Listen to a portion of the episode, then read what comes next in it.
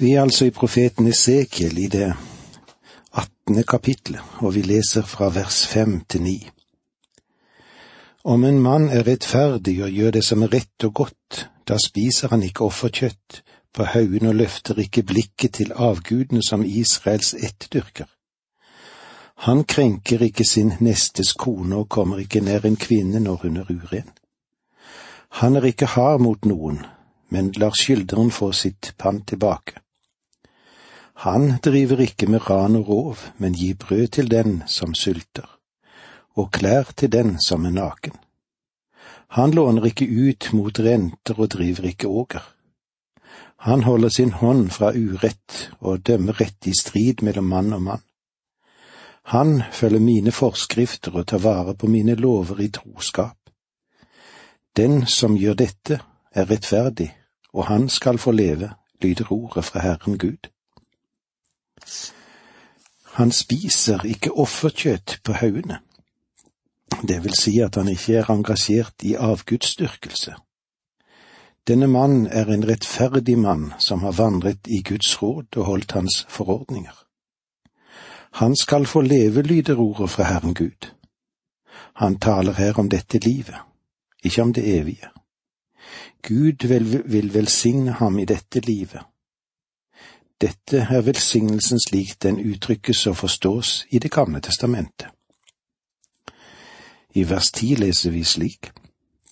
Men så kan det hende at den rettferdige får en sønn som blir en røver og drapsmann, og gjør en av disse syndene. Den rettferdige som vandrer med Herren kan også få erfare å få en sønn som ikke vandrer i hans spor, men dyrker ugudeligheten. Vers 13 Han låner ut mot renter og driver åger, og så skulle han få leve. Nei, han skal ikke få leve. Når han gjør alle disse avskyelige ting, skal han sannelig dø. Han er selv skyld i sin død. Gud vil dømme sønnen, ikke faren. Vers 14 Men så kan det hende at han får en sønn som ser alle syndene faren har gjort, og tar skrekk av det, så han ikke gjør det samme. Det hviler en mulighet til en beslutning hos en sønn. Sønnen kan bestemme seg for at han ikke vil gå i farens fotspor, slik som hans onde far gjorde. Det har vært mange slike tilfeller i Israels historie. Akas var en ond konge, men hans sønn Hiskia ledet en vekkelse. Josia var en vidunderlig mann, og han hadde en meget ond far. I versene 17-18 her i det attende kapittelet i Esekiel. Han legger ikke hånd på en stakkar, tar ikke renter og åker, men lever etter mine lover og følger mine forskrifter. Han skal ikke dø fordi hans far har syndet. Nei, han skal sannelig leve. Men hans far, som gjorde voldsverk, som ranet og røvet fra sin neste og gjorde det som er ondt, midt iblant sine landsmenn, han må dø for sin synd og skyld. Gud sier her at hvert menneske blir dømt i dette livet for måten man lever på. Husk endelig på at han ikke taler her om det evige livet, men om en dom her og nå. Han vil at Israel skal vite at dette er grunnlaget som han tenker å dømme dem på. Vers 20 Den som synder, han skal dø men en sønn skal ikke bære farens skyld, og en far skal ikke bære sønnens skyld. Den som gjør rett, skal få igjen for sin rettferd, og den som gjør ondt, skal rammes av sin ondskap. Den som synder, han skal dø. Dette uttrykket brukes to ganger i dette kapitlet, her og i vers fire. Vers 31 Hold opp med alle de overtredelsene dere gjør dere skyldig i, og få dere et nytt hjerte og en ny ånd. Hvorfor vil dere dø, dere israelitter? Dette kapitlet forteller, som vi forteller her, er et svar på den nye psykologien som har gått så altfor langt. Den psykologi som argumenterer med at årsaken til en persons vanskeligheter, eller at ting har gått på skeive, er at hans mor ikke handlet med ham på en rett måte, men overså ham og elsket ham ikke. Du står alene. Du er en synder fordi du er en synder i deg selv.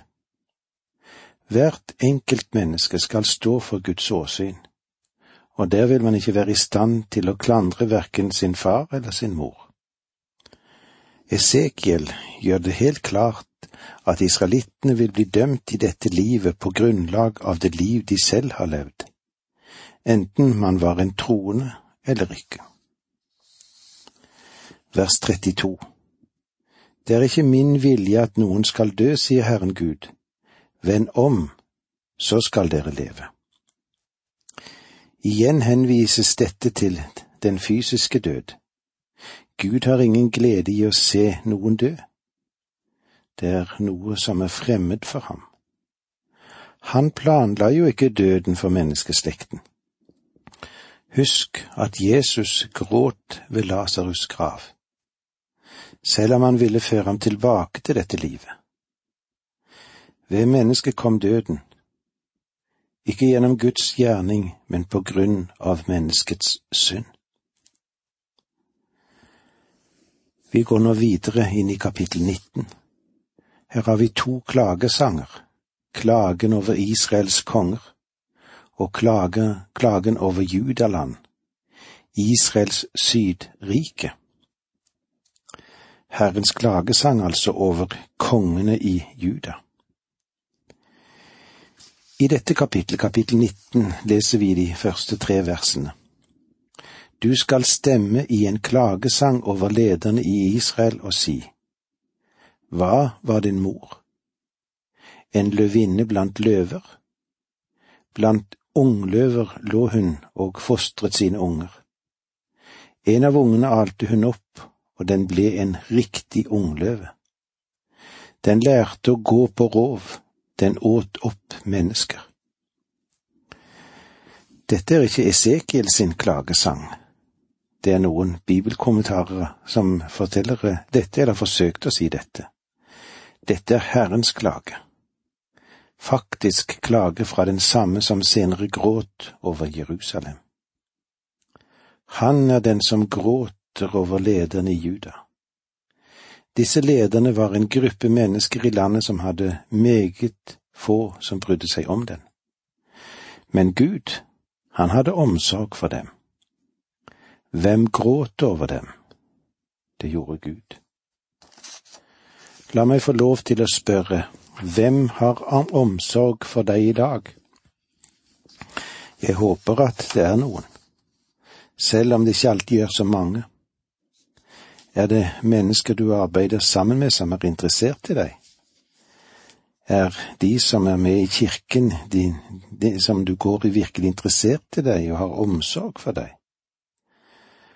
Hvordan er det med familien din, finnes det omsorg der? En vellykket leder sa til meg for en tid tilbake. Jeg kjenner meg både sliten og ensom. Alle, til og med min familie, føler jeg, er bare interessert i hva de kan få ut av meg. Det må være fortvilende. Men Gud har omsorg for deg. Han er interessert i deg uansett hvem du er.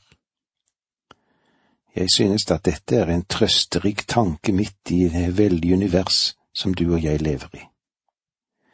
Hvor lett det ville være å gå tapt, jeg er jo så liten. Men han har sine øyne festet på meg, og Gud har omsorg for hver, hver og en av oss. Lederne i Juda var mennesker som ikke mange ville gråte en tåre over. Det var Joakas og Joakim, to konger som var en eneste lang bedrøvelse. Gud alene hadde omsorg for dem. Og takket være Gud, så har han òg omsorg for den enkelte av oss. Og med disse ordene sier vi takk for nå, må Gud være med deg. Dette undervisningsprogrammet består av to deler. Åge Nevland fortsetter nå med andre del av dagens undervisning. Vi er i profeten Esekiel. Vi er i det nittende kapitlet, og vi ser hvordan Gud tar seg av den enkelte. En løvinne blant løver, blant ungløver lå han som fostret sine unger. Nå begynner han altså å tale om løven, og så taler han om løven av Juda. Juda er en ungløve. Slik blinket Jakob ut i Juda i første Mosebok, kapittel 49 vers 4, der han ga hver en sine stammer en velsignelse og et profetisk budskap knyttet til alle sine tolv sønner. I fjerde Mosebok står det, se folk reise seg som en løve, som en løvinne farer opp. Den Herre Jesus blir kalt løven av Juda i åpenbaringen 5.5. Men en av de eldste sa til meg, gråt ikke, for løvene av Judas, Judas stamme, Davids rotskudd, han har seiret og er den som kan åpne boken og det sju seil. Nå leser vi litt videre i Esekiel kapittel 19, versene 10 til 12. Din mor var et vintre i hagen, plantet like ved vann. Treet bar frukt og fikk mange grener fordi det hadde rikelig med hvete. Grenene ble så sterke at de kunne brukes til herskerstaver. De vokste høyt opp mot skyene, lett synlig fordi det var så høyt og hadde så mange grener. Men treet ble revet opp i harme og ble kastet til jorden. Østavinden tørket bort frukten. Også de sterke grenene ble revet av og visnet, og ilden fortærte dem.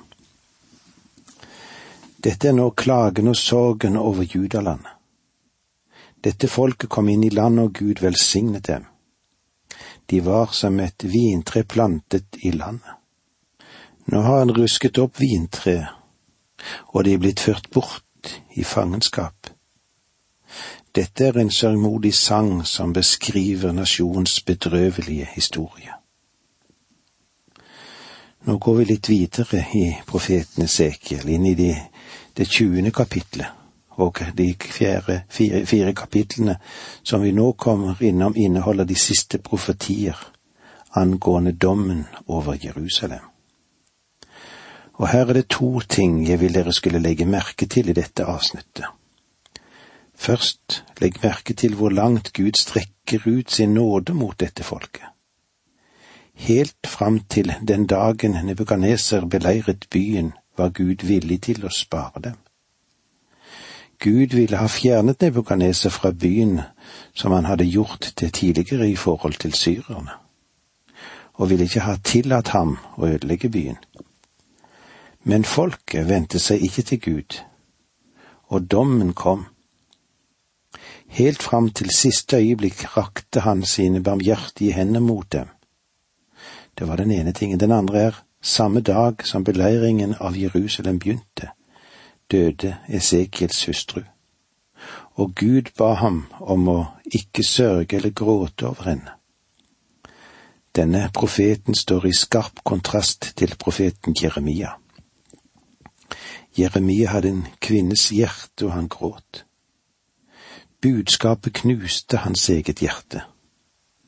Fordi han gråt, blir senere den Herre Jesus Kristus sammenlignet med Jeremia. Esekiel, han var helt annerledes. Herren hadde jo gitt ham et løfte om at han skulle gjøre ham hard, slik som dette folket var, så at han ikke skulle bukke under og det merket vi jo i hans holdninger og framferd. Esekiel var i første rekke et talerør for Gud.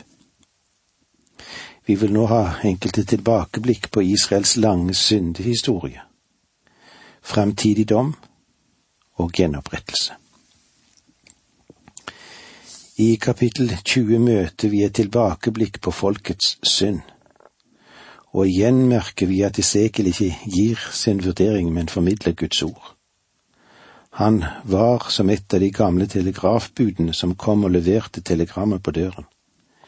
Enten det nå var et gledesbudskap eller et sørgebudskap, så var telegrambudets holdning den samme. Han avleverte bare et budskap, og det er du som blir beveget av det du leser.